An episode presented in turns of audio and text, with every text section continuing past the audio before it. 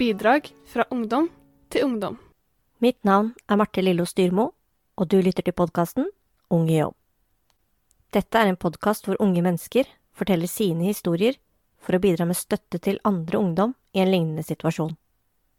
Erfaringene som deles, kan også være nyttig for deg som er forelder, lærer eller veileder, eller er i relasjon til et ungt menneske som trenger å bli forstått.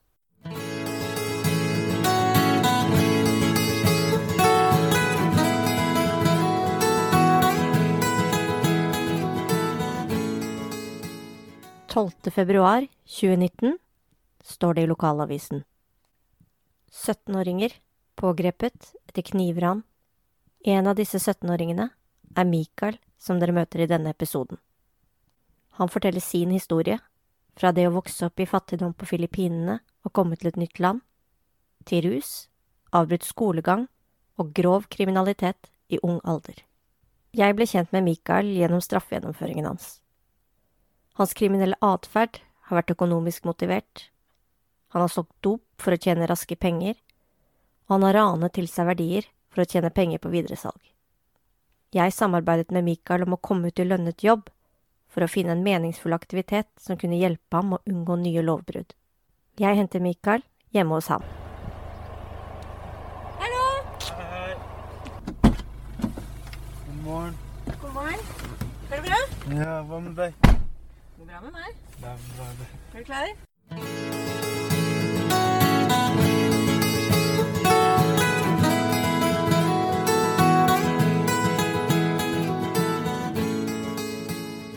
Mikael ble født på Filippinene i år 2002.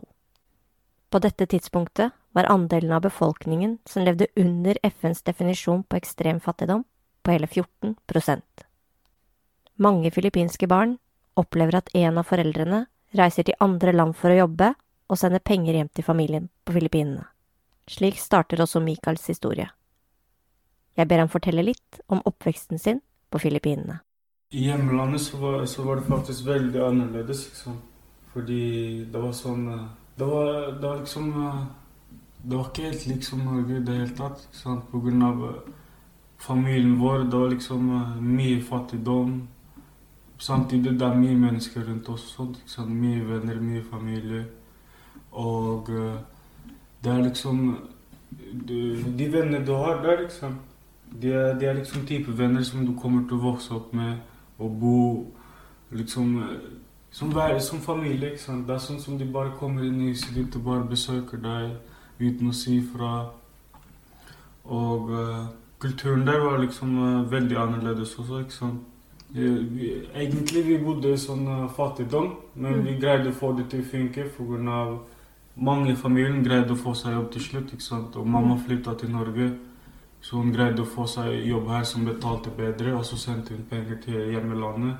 Så begynte, å, så begynte vi å leve bedre. I huset som Mikael vokste opp i på Filippinene, bodde det 14 personer. Det er, van, det er vanlig å bo sånn i et hus, ikke sant. Men eh, samtidig eh, så er det liksom eh, Så har ikke du noe valg, ikke sant. Fordi hvis du, hvis du skal bo et sånn veldig fint sted, så må du være faktisk veldig rik av ting der er litt sånn dyrere og sånt. Hvor mange av de som bodde i det huset, var som hadde jobb? Cirka tre eller fire av dem. Så liksom vi delte alt sammen der. Vi delte penger, vi delte mat. Vi delte klær og sånt. Det var sånn Det var så mye kjærlighet samtidig som vi bodde i fattigdom. ikke? Så det var, det var litt deilig egentlig at det var sånn. Skjønte du da du var liten gutt at du var fattig? Ja, på grunn av uh, Jeg gikk tur i byen og sånt flere ganger i måneden. Så så jeg hvordan egentlig folk som hadde et vanlig liv, levde. ikke sant? Mm. Så sa jeg de hadde et vanlig hus, de kjørte bil og sånt. Jeg tenkte det var liksom eh, For oss så var det veldig liksom um, spesielt, ikke sant? Fordi det å ha bil og sånt og eh, en fin leilighet betyr faktisk at du er ganske rik i hjemmelandet, ikke sant. Mm. Men du gikk på skole? Jeg gikk på skole der um, til fjerde klasse eller femte, jeg husker ikke helt. Og skolen der var veldig annerledes. Det var sånn veldig strengt. Det var lengre dager enn eh, her i Norge også. for der så måtte vi være i, på, på skolen i syv timer, ikke sant? Og hadde bare en halvtimes pause over hele dagen.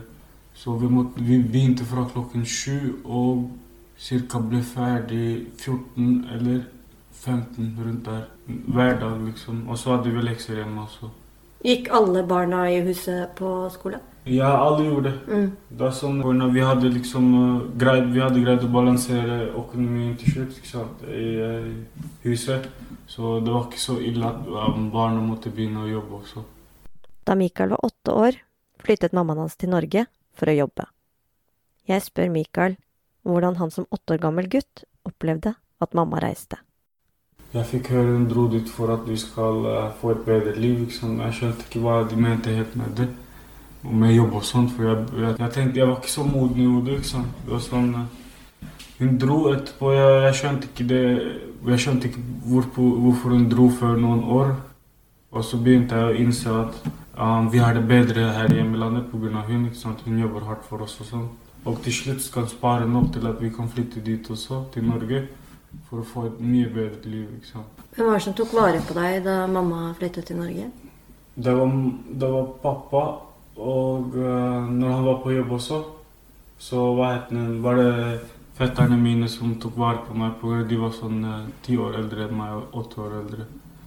Så jeg var alltid ute, og uh, det er sånn levende. Da, vi hadde ikke mobiler, internett eller noe sånt. ikke sant? Så vi var alltid ute og lekte og drev med masse annet. To år etter at mammaen til Mikael flytter til Norge, blir det bestemt at også Mikael, søsknene og faren skal flytte hit. Um, mamma bestemte det egentlig, men liksom Det var ikke planen hennes. ikke sant? Det tok henne ett eller to år før hun var helt bestemt på at um, familien vår skulle flytte til Norge. Fordi hun ville egentlig finne ut hvordan det, hva, hva vi hadde gjort med huset hjemlandet. Hvordan liksom vi hadde begynt livet her i Norge. Det er sånn, Vi måtte gjøre oss klar til å flytte hit. ikke sant? Vi begynte å, vi begynte å liksom prøve å lære språket liksom noen måneder før vi kom til Norge. ikke sant? Fordi vi, vi, ville, vi ville egentlig gjøre oss klare når vi kom hit av Vi var unge og sånt, og det er viktig for oss å ha venner og prøve å bli vant til noe nytt på grunn av Da vi kom hit, så, var, så fortalte mamma at det er veldig annerledes. At vi, vi burde liksom uh, være veldig glad og takknemlig for at vi flytta hit. ikke sant? Til og med om uh, det er litt vanskelig på starten, så kommer det til å gå bedre til slutt. Mikael beskriver sitt første møte med Norge. Det var veldig rolig, menneskene var veldig fine.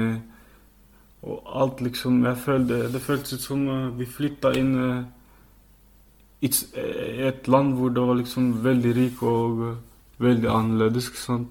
Så med en gang vi landet, vi gikk ut av flyplassen Med en gang jeg følte vinden og lukten av lufta det følte, det, Jeg vet ikke, det var liksom veldig deilig følelse, ikke sant? For det var veldig Det var noe nytt. Det var liksom noe jeg aldri følt før, ikke sant? Siden vi bodde i hjemlandet med så varmt um, vær og uh, så, så skitten luft av um, masse ting og sånt. Mye fattigdom og alt det der. Når jeg kom hit, det, liksom, det føltes som alt ble bedre, og det var faktisk veldig deilig. Og uh, jeg prøvde å se etter snøen, og sånt, sant? men det var ikke der ennå. Så vi måtte vente litt. uh, noen uker før vi liksom fikk nyte det ekte norske været. Og uh, til slutt så begynte vi å gå ut, uh, se rundt i byen. Se, um, se, sjekke den tigeren i Oslo og sånt. Da begynte det å være kaldt, og jeg likte det faktisk på starten. ikke sant? Så begynte jeg på innføringsklasse. Der ble jeg kjent med ma mange folk fra andre land og folk fra samme land som meg. ikke sant? Når vi begynte å snakke mer norsk, eller ble bedre, litt bedre til norsk, så greide jeg å få meg andre venner fra andre land og kulturer, og norske venner og sånt også. Og jeg var med de hele tiden, ikke sant. Fordi liksom eh, Jeg prøvde å Jeg likte egentlig Jeg, jeg, var, jeg var egentlig vant til å ha sånn eh, venner jeg er ute med, og uh, holdt meg rundt de og sånt, som jeg gjorde i landet, ikke sant? Så med en gang jeg skaffet meg venner, så brukte all tiden min på å være med de rette til skolen. Til slutt så ble alt mye lettere og bedre når jeg fikk vite at jeg kunne fikse meg venner, eller når jeg, når jeg fikset meg venner og lærte meg språket, ikke sant. Mikael forteller at det var bra for ham å begynne på skolen, at han fikk venner, og at han trivdes. Men hvordan var situasjonen hjemme på dette tidspunktet? De første og andre månedene, liksom, det var faktisk veldig bra, ikke sant. Fordi vi hadde det bra hjemme. Det var liksom Vi kunne ikke tatt opp noe negativt av uh, Vi kunne liksom ikke gjort noe dårlig eller uh, begynt med noe krangel hjemme eller noe sånt, fordi vi var faktisk veldig glad for at vi flytta hit, ikke sant. Og ting hjemme var veldig bra med, mellom pappa og mamma. De var veldig glad i hverandre og sånt. Etter, men etter en liten stund så begynte det å bli litt sånn ødelagt grunn av Jeg vet egentlig ikke. De tok, de tok det aldri opp med oss når de krangla og sånt. De var bare Hver gang de krangla, så dro de i et uh, rom. Og uh, jeg var ikke så fokusert på hva de snakka om, for jeg hatet å høre de krangle, så jeg var bare på iPaden min og koste meg og sånt. Men jeg skjønte at det var noe som skjedde, ikke sant. Og så den kranglinggreia, jeg trodde det skulle bare skje noen dager i uka og sånt, og bli ferdig etter noen uker. Men det skjedde nesten hver dag og sånt. De, de, de, var bare liksom De hadde bare negative vibber, ikke sant. Til slutt så kranglet de altfor hardt at pappa eller mamma begynte å gråte, og pappa bare gikk ut. Og da skjønte jeg at det, ble, det begynte å bli litt ille, så jeg må liksom prøve å finne ut hva som skjer her og sånt. Og den ene gangen jeg prøver å finne ut hva som skjer der, og prøver å snakke med pappa, så, se, så, sier han til meg at han skal flytte tilbake til hjemmelandet og sånt. Jeg, jeg, jeg trodde ikke på han, ikke sant. Av, jeg trodde at han bare sa det pga. han var sur. Men til slutt så skjønte jeg at han mente det pga. de hadde, de hadde hatt det veldig dårlig de månedene. Det var ikke noe kjærlighet der lenger, så jeg. Etter seks måneder i Norge flytter faren til Mikael tilbake til hjemlandet. Jeg spør Mikael om hva han husker fra den dagen faren reiste. Ja, det var liksom uh, Jeg ville egentlig bli hjemme, ikke sant, fordi jeg, jeg ville ikke gråte foran alle i flyplassen. Altså, ja, så måtte jeg bli med, for jeg kunne ikke være alene hjemme.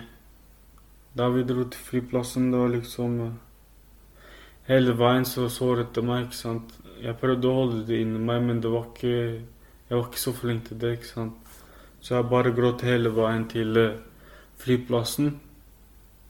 Med en gang jeg begynte å gå fra så knuste det meg faktisk litt.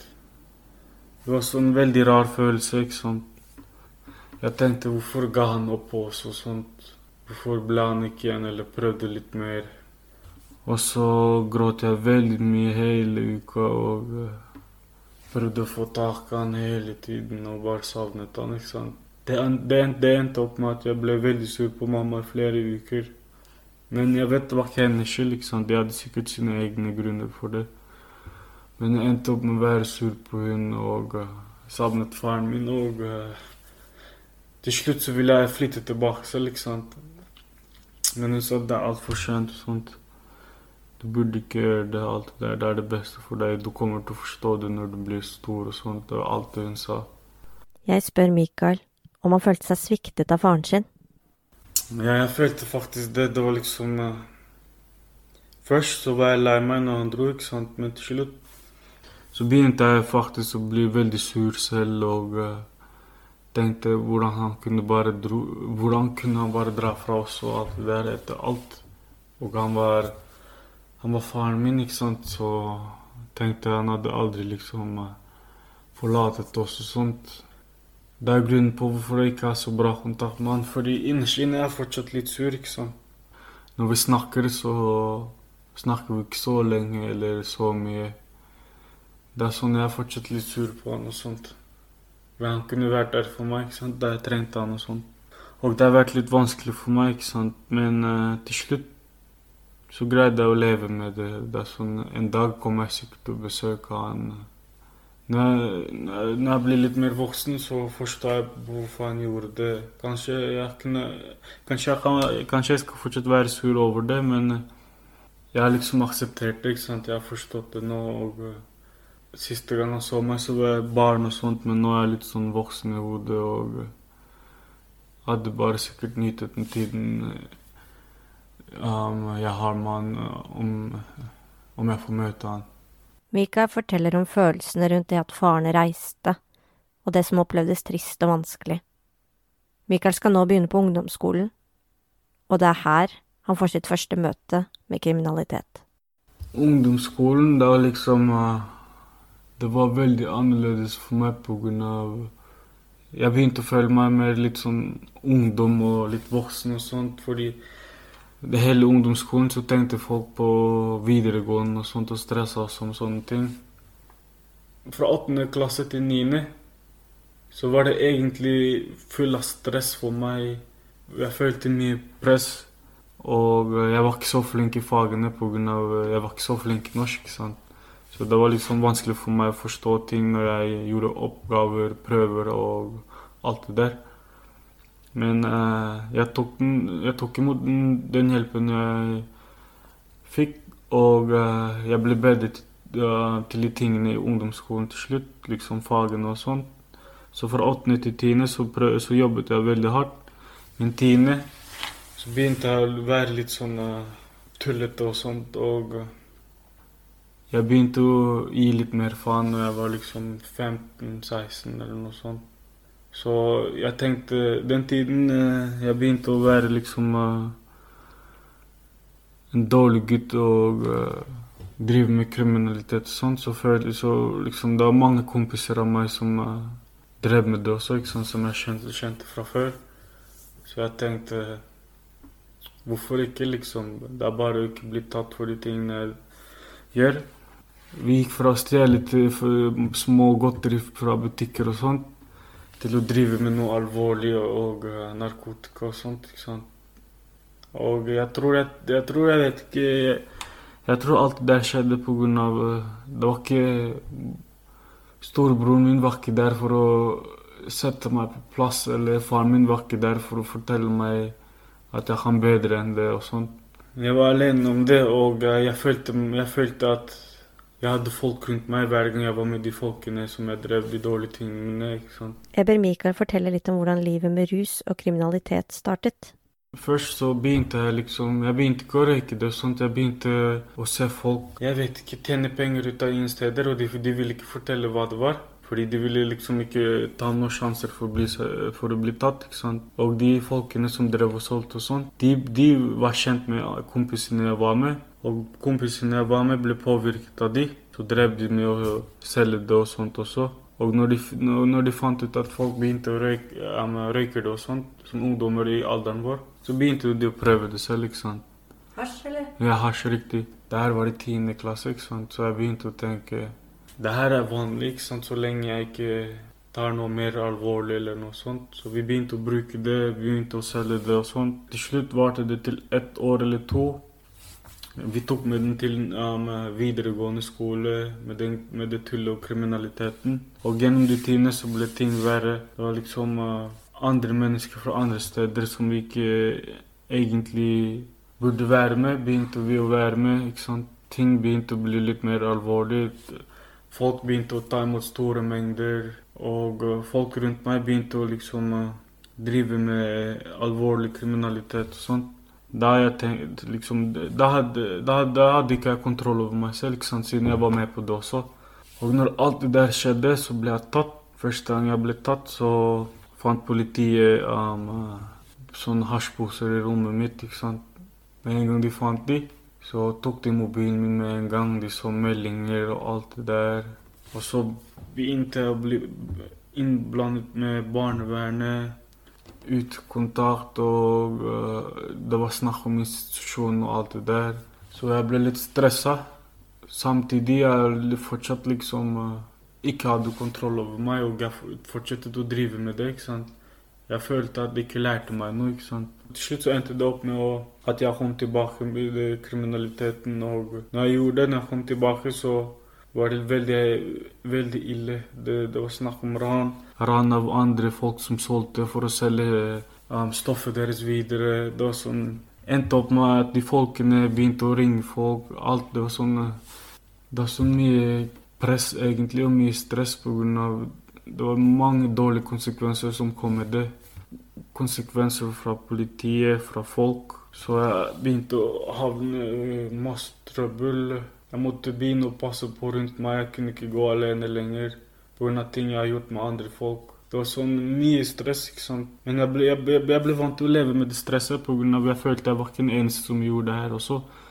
Og da tenkte jeg jeg kan fortsette med det her og alt det der. Det er ikke noe stress, jeg skal ikke bli tatt igjen. Jeg har lært av det første feilet mitt. Etter jeg trodde det, så ble jeg tatt igjen, ikke sant. Der begynte jeg å liksom lære virkelig på grunn av De tok imot sånne De begynte å ta opp straffer av fengsel og alt det der. Og jeg ble satt inn i glattcella i sånn elleve timer. Der, de elleve timene fikk meg til å tenke mye på, på livet mitt ikke sant? og konsekvenser den tiden da. Fordi hvis jeg fortsetter å drive med det jeg gjør, så kunne det ødela for meg i fremtiden. ikke sant? På, på grunn av prikkerullebladet og hvis jeg ender opp i fengsel og alt det der.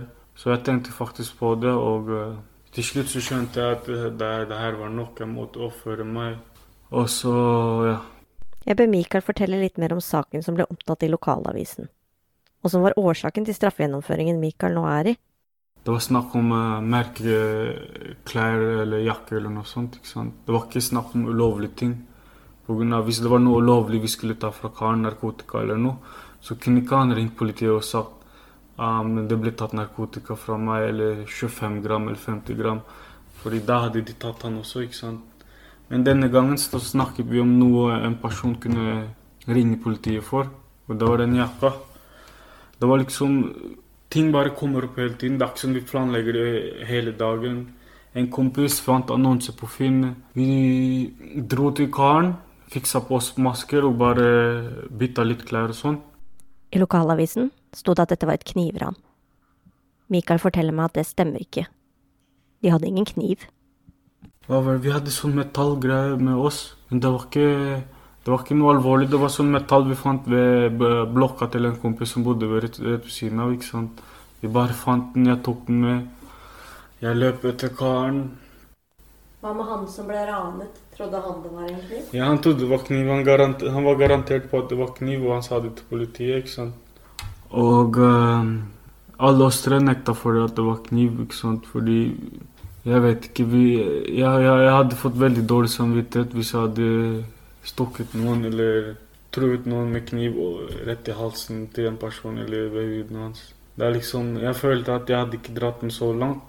Selv om Mikael er fast bestemt på at det ikke var en kniv involvert i ranet, at det bare var en ufarlig metallgreie han hadde funnet, er det viktig å tenke på hva offeret i denne situasjonen opplevde.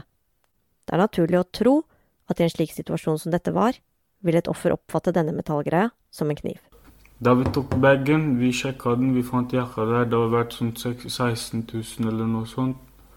Med en gang vi finner den, eller med en gang vi tar den Vi, vi gjemmer oss i blokken til kompisen min. Guttene gjemmer seg i blokka. Fra blokka hører de bikkjer og sirener. Tankene som fyker gjennom Michaels hode, er å forsvinne og komme seg unna. Guttene legger en plan for hva de skal si i avhør, og koker opp en felles løgn.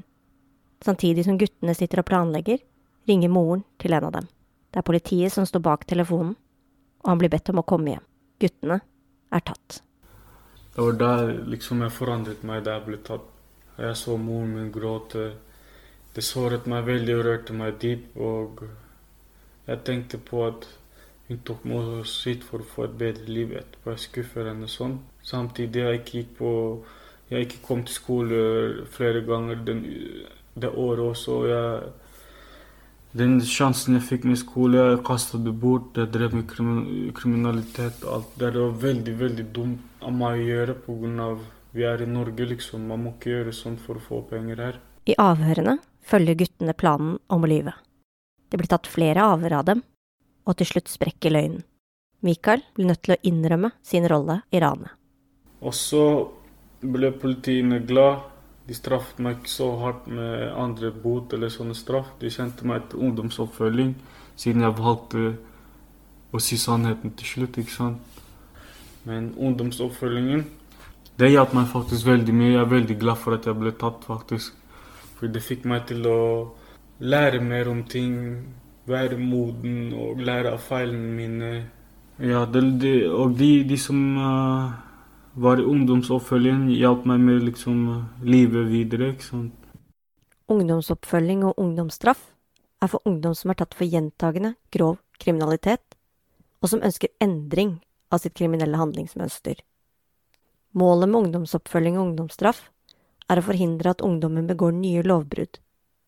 De må selv ta ansvar for sin egen prosess og bidra aktivt.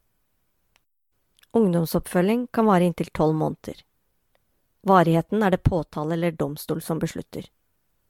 Oppfølgingsteamet kan bestå av for eksempel foreldre, skole, barnevern, lege, politi etc. Oppfølgingsteamet settes sammen ut ifra ungdommens egne ønsker, hvem han hun stoler på og samarbeider godt med, og som han hun tror kan hjelpe dem til å gjennomføre ungdomsplanen.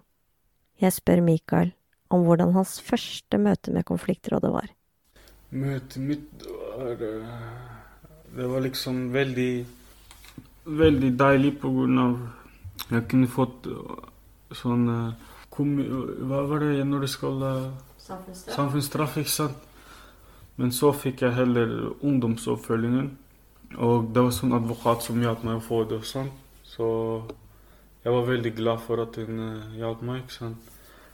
Så, endte, så fikk jeg et første møte med Hun fortalte meg hvordan det skulle funke, alt det der.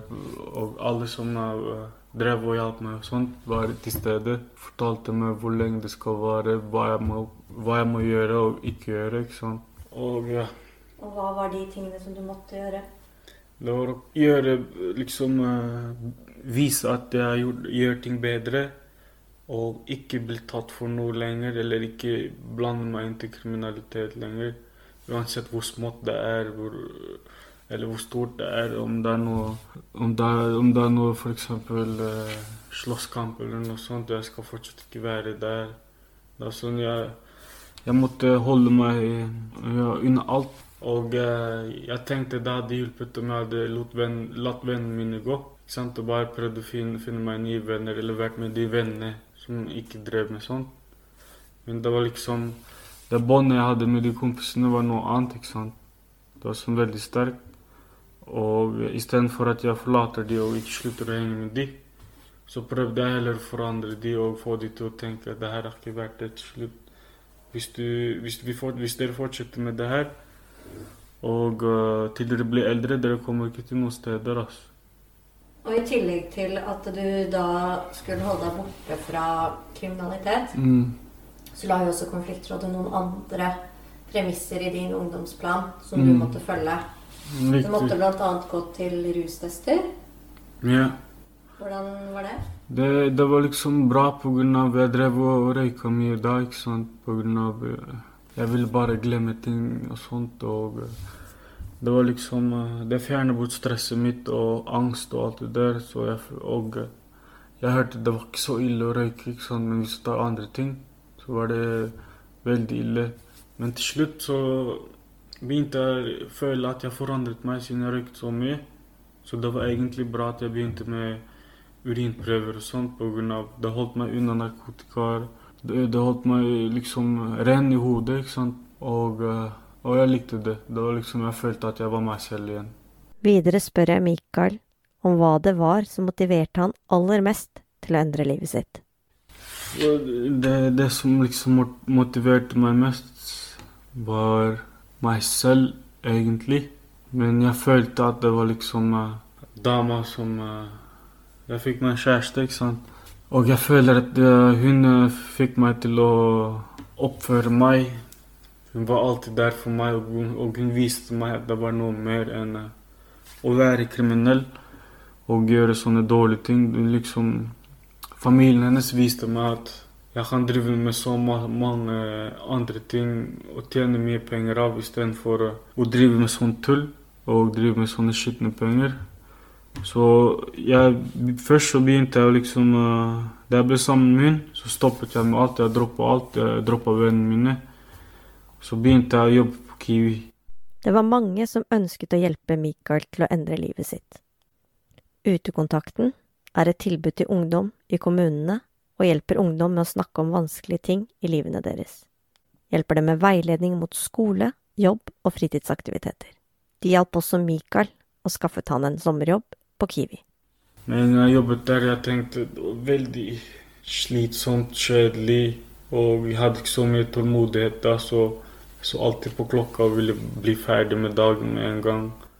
Pluss pengene kom ikke inn de dagene jeg jobbet. Det da sånn jeg måtte vente en måned og sånt. Og det er vanlig, ikke sant? men jeg var ikke vant til det.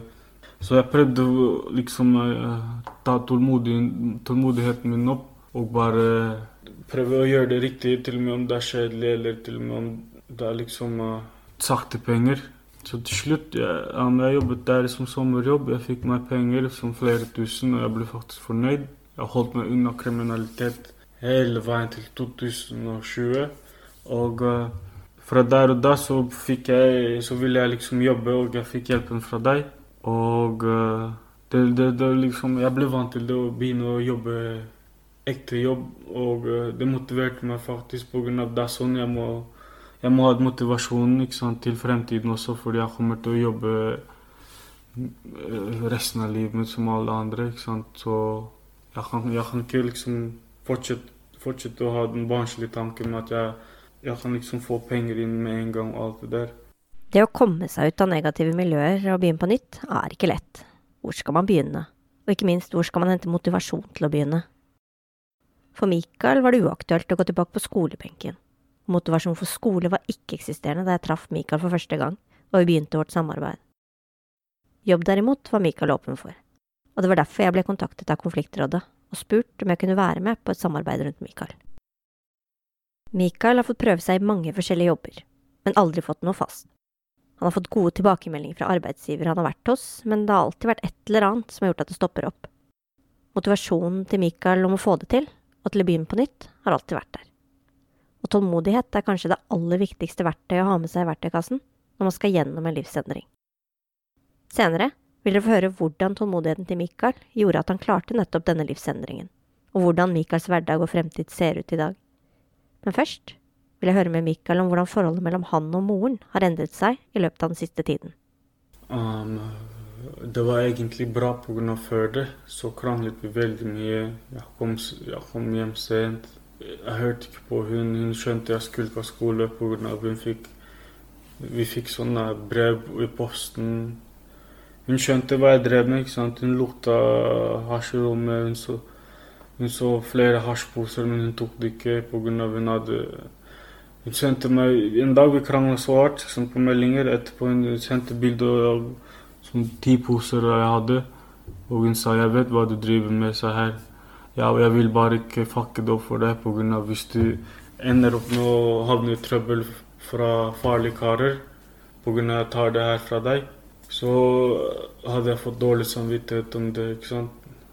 Og vi, vi bare krangla mye, faktisk, det 2018-2019-tiden. Og da jeg begynte på ungdomsoppfølging og uh, begynte å oppføre meg, og hun, ser, hun, så at jeg var bare med kjæresten hele tiden og ikke var med sånn dårlige gutter og sånt, så begynte vi liksom å være hyggelige mot hverandre. Vi begynte å fikse på ting. Vi har ikke krangla på så lenge nå. så... Og uh, hun liksom forsto at jeg bare gikk gjennom en sånn ungdomsperiode hvor jeg var litt sånn imot henne og uh, gjorde hva jeg ville. ikke sant?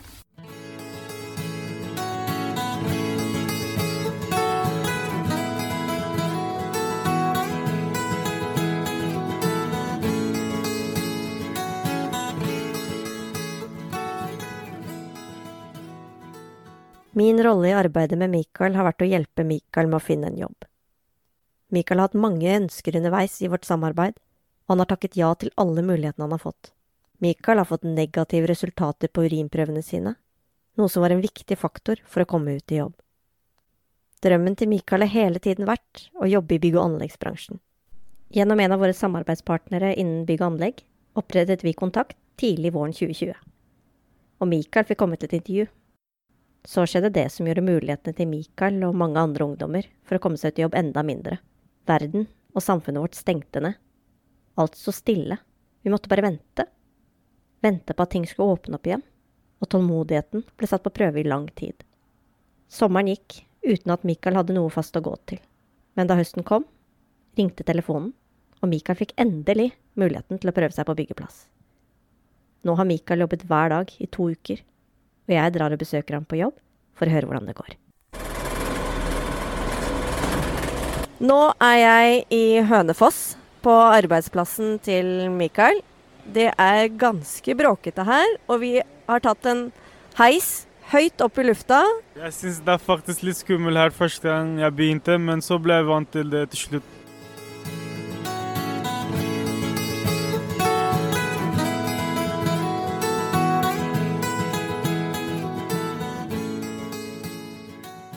Nå har vi kommet oss trygt ned på bakken igjen, det er jeg veldig glad for.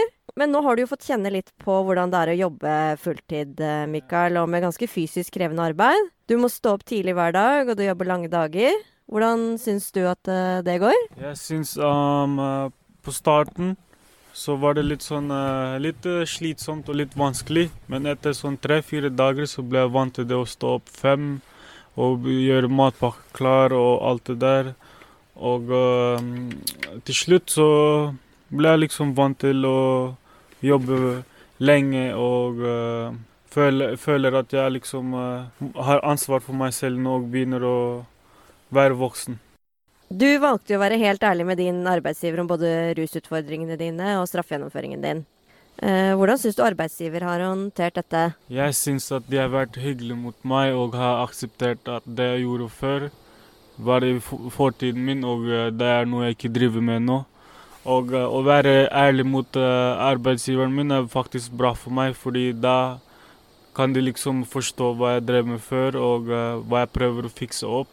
Jeg føler de har vært veldig hyggelige mot meg om det, og jeg har gitt meg en sjanse, faktisk. Og nå prøver jeg bare å bevise dem at jeg har gjort det bedre nå og gjør det bedre fortsatt.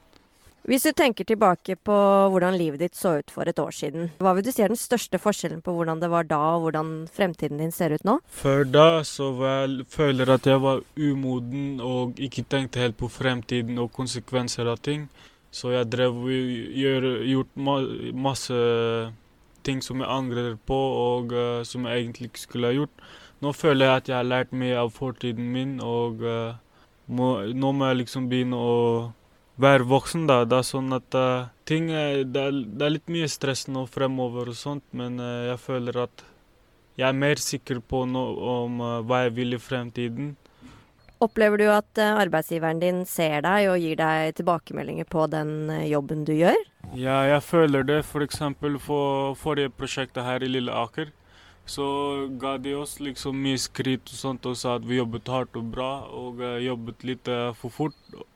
Men uh, det, er, det, er, bra å jobbe fort, sa de, så vi kan komme oss til andre oppgaver. Og på denne prosjektet vi har nå i Hønefoss, så har, uh, så har vi fått vite fra Fredrik at de, de, bare skryter om oss og sier at vi gjør det bra. Og uh, det motiverer meg å jobbe bedre. og fortsette å jobbe bra, og jeg liker det. Det arbeidet her har faktisk gjort mye forandring. F.eks. For at uh, jeg begynte å drikke kaffe og sånt, og det var noe jeg aldri drev med før. Det var noe jeg ikke likte.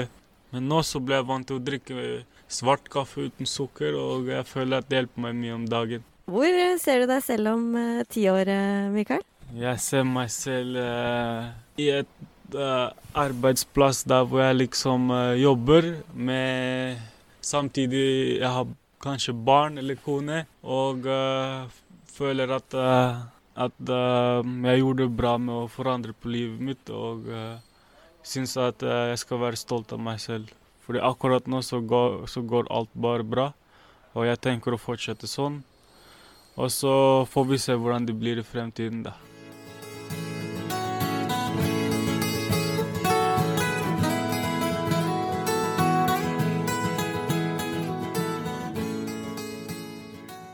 Jeg ønsker også å snakke med Michaels arbeidsgiver, og hvordan han opplever at det går med Michael. Arbeidsgiver har hele tiden vært klar over Michaels situasjon, og at han er i en straffegjennomføringsprosess, men har likevel ønsket å satse på Michael.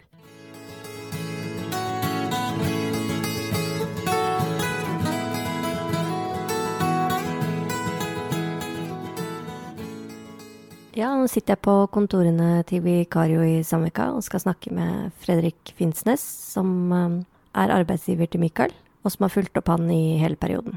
Hvordan opplever du som arbeidsgiver at eh, Mikael har klart seg? Nå er det jo sånn at eh, Mikael har fått seg jobb i byggebransjen. Og standarden er hvis du ikke hører noe, så er folk fornøyd. Når det kommer til Mikaels tilfelle, så har vi faktisk hørt noe. Og oppdragsgiver, som vi da leier han ut til, ønsker å forlenge Mikael eh, stadig. Og det er alltid et godt tegn. Når du kommer inn i byggebransjen med null erfaring, så er det egentlig bare innsatsvilje og lærevilje det går på. Og ut ifra de jobbene som Mikael har fått, så har han vist ekstremt god innsats. Noe som gir mer oppdrag. Vi har jo samarbeidet om Mikael i en stund, og han har vært i intervju hos dere. Og vi har hatt en del samtaler om han før han startet å jobbe. Uh, og jeg husker du var veldig fin i det første intervjuet med Mikael, hvor Mikael fortalte deg helt ærlig hva han slet med i forbindelse med rus, og at han var i en straffegjennomføringsprosess. Hvor viktig for deg som arbeidsgiver er det at ungdom er ærlig med dere om det utgangspunktet de har? Altså, Utgangspunktet er helt kritisk. fordi hvis ikke vi vet hva vi får, så er det vanskelig for oss å, å videreformidle det. Så hvis man ikke er ærlig i første runde, så er det ofte at vi kan informere våre kunder eller våre ansatte feil. Eh, jo mer vi vet eh, i forkant, jo lettere for oss er det å sette opp et opplegg for den aktuelle kandidaten, sånn at de kommer godt i gang i arbeidet sitt. Og ikke, ja, vi klarer å være på høyde med de utfordringene som vi vet kommer. Nå er det jo sånn i Michaels tilfelle at han er veldig ung. Uh, yngre enn det vi på en måte er vant til å ha ansatt her inne. Så dette med rus og ja, Det som mange ser på som problemer, det er jo en del av det som er eh, på en måte privatlivet. Men jo mer vi vet som om arbeidsgiver, og hvis man tør å være ærlig på de tingene, så klarer vi et mer tilpasset opplegg for å få en god start. Eh, rus og alt Altså, alle har gjort feil, og alle har gjort ting og tang, og vi vet at eh, ofte er det bare en sjanse som skal til for å gjøre en forskjell, og de som griper den sjansen, de får ofte mye større muligheter i fremtiden. Tenker du at eh, sånne ting som rus og straffegjennomføring, hvor det er eh, en stor del av hverdagen til den ungdommen, at det vil komme til syne uansett på et eller annet tidspunkt? Nå er jo denne straffegjennomføringen på en måte litt satt, så det krever at man har litt fri fra jobb og, og den type ting for å kunne følge opp de forpliktelsene man har. Eh, så man gjør det jo litt lettere for seg selv ved å si hvordan det faktisk er. Og så er det ikke sånn at vi går videre med denne informasjonen til andre uansett. Eh, det blir på en måte internt hos oss eh, på mange måter. Men jo ærligere, jo bedre. Og når det heter straffegjennomføring, så har du på en måte fått en straff. Og den trenger du ikke å få to ganger, så det holder med den ene. Jeg tenker at det sier noe om deg som arbeidsgiver, at dere gir folk som har et annet utgangspunkt for å komme seg ut i jobb, enn det som kanskje ses på som normalen, en sjanse til å få en fot innenfor arbeidslivet. Hva er deres motivasjon for å gå inn i slike arbeidsforhold? Ja, nå er vi heldige som, eh, som er i et marked hvor det er ekstremt behov for folk. Så også en type fleksibilitet eh, som gjør at det er enklere for oss å kunne prøve kandidater enn andre vår motivasjon for å gå inn i slike arbeidsforhold, det er litt delt. På den ene siden vi, trenger vi folk. Eh, vi har ofte sett på våre kandidater at det å skaffe nye folk gjør at de kjapt tilpasser seg vår standard. Nye folk er jo, har ikke de hva skal vi si, barnesykdommene. Eller har gått igjennom et selskap som kanskje gjør det annerledes eller ditt eller datt. Så på mange måter så er det på en måte et, et fresht produkt som vi kan forme litt. Grann. Det er jo en del av motivasjonen når det kommer til nye folk uten erfaring. Eh, når det kommer til denne type ungdom, som vi ser kommer fra Ung i jobb, så er det jo veldig ofte forskjellige utfordringer. Men det kan på veldig mange måter bare bundes ned i at det er usikkerhet i forhold til hva man vil, eller hva man gjør, eller hva man har gjort, osv. Samtidig som man kanskje ikke har fått presentert byggebransjen på den måten jeg mener er riktig, at det er et, et veldig positivt sted å jobbe. Uh, du får kjappe resultater, du ser det du driver med. Det du bygger, det skal stå i hundrevis av år fremover. Det er mye ære, og det er mye eller mange muligheter for å vokse, uh, få seg en utdannelse og bygge seg opp i byggebransjen. Den informasjonen føler jeg ikke de får tidlig nok, eller på det tidspunktet hvor de faktisk skal velge hva de skal bli. Og det å ha muligheten til å prøve litt, samtidig tjene veldig gode penger, det, den muligheten syns jeg alle ungdommer i Bærum, og for så vidt Norge eller verden, fortjener. i mye større grad enn det de får mulighet til i dag. Dere har også vært behjelpelige med å tilrettelegge for at Michael skal få fullført straffegjennomføringen sin. Dere har bl.a. lagt til rette for at han skal få tatt de nødvendige urinprøvene som kreves av han. Kan du si litt om hva det krever av en arbeidsgiver å få til det? Nei, det er ikke noe, det er ikke noe særlig mer enn uh, litt, litt, planlegging som skal til. Han må ha fri uh, en gang iblant. Uh, noe som er helt fair, og noe han ikke får styrt. Så den frien skal han selvfølgelig få. Samtidig som at vi Vikario er jo her for det lange løpet. Så et par avbrudd her i ny og ne, det spiller ingen rolle for oss. Når vi ser at Mikael kan fungere veldig godt for oss over lengre tid og langt ut i fremtiden. Jeg liker at du sier at uh, du ser på Mikael i det lange løp. For hvordan ser Mikael til fremtiden ut, tenker du? Nå har jo Mikael fått én uh, fot innenfor. Uh, har vist at han er lærevillig og har vist at han legger all innsatsen sin på jobb. Kommer uthvilt og er klar for det dagen bringer. Samtidig som han er veldig ung. Uh, han begynner på et tidlig si et tidlig tidspunkt inn i byggebransjen. Og hvis han er litt smart nå og lærer seg og tar til seg alle de forskjellige teknikker og muligheter og ting og tang som er ute på byggeplass, så kan eh, Mikael eh, gå ganske langt. Eh, alt fra prosjektleder til bas til i hvert fall på alle mulige måter kunne sikre seg en utdannelse som man kan gå videre med og bruke andre steder. Hos andre selskaper, hos oss eller hvor som helst. Men han er med på å skape et, et grunnlag nå som gjør at han kan sikte veldig bredt ut i, i fremtiden. Så et fokus på utdannelse, noe vi skal hjelpe han med. Og eh, vi skal også lære han alle triksene som er lure å ha med seg for å kunne komme seg opp i, i rangeringen i byggebransjen.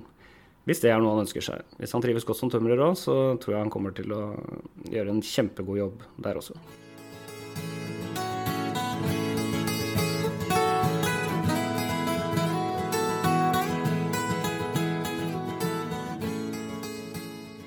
Mikael har nådd målet sitt.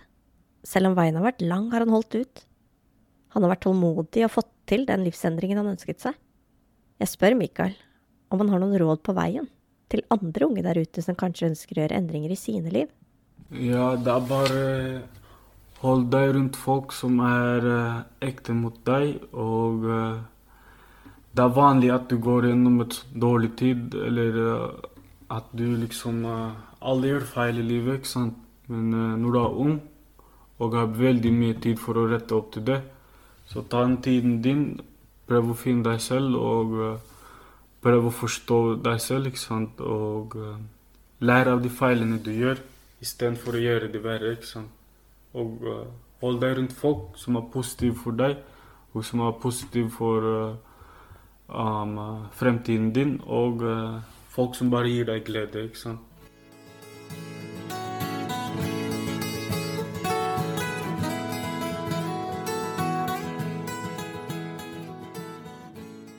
I denne episoden har du hørt Michael fortelle om oppveksten sin på Filippinene, der det var folk rundt han hele tiden, som kom og gikk, og som delte det meste med hverandre.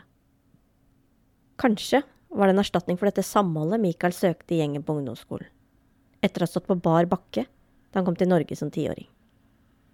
I gjengen begikk de kriminalitet sammen, noe som ga Michael opplevelsen av trygghet og anerkjennelse. Så handlet det kanskje mer om å oppleve tilhørighet enn om å begå kriminelle handlinger.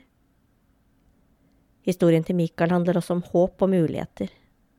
Vi bor i et land som gir mennesker flere sjanser, hvor det er mulig å rette opp feil og gjøre opp for seg.